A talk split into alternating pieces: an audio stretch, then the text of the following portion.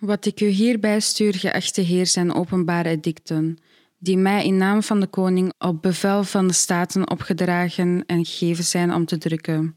U wenste in uw laatste brief dat een exemplaar zou worden bezorgd. Het leek nog mij, nog mijn vrienden raadzaam de staten tegen te spreken, tenzij ik zou beslist hebben mezelf, mijn bezittingen en mijn gezin ten gronde te richten, ongeveer dadelijk weg te gaan en mijn drukkerij achter te laten. In een gemeenschappelijk besluit met mijn vrienden kwamen tot de slotsom dat het beter was aan hen te gehoorzamen dan van alle instrumenten beroofd te worden waarmee ik van nut was en nog kan zijn voor de christelijke gemeenschap.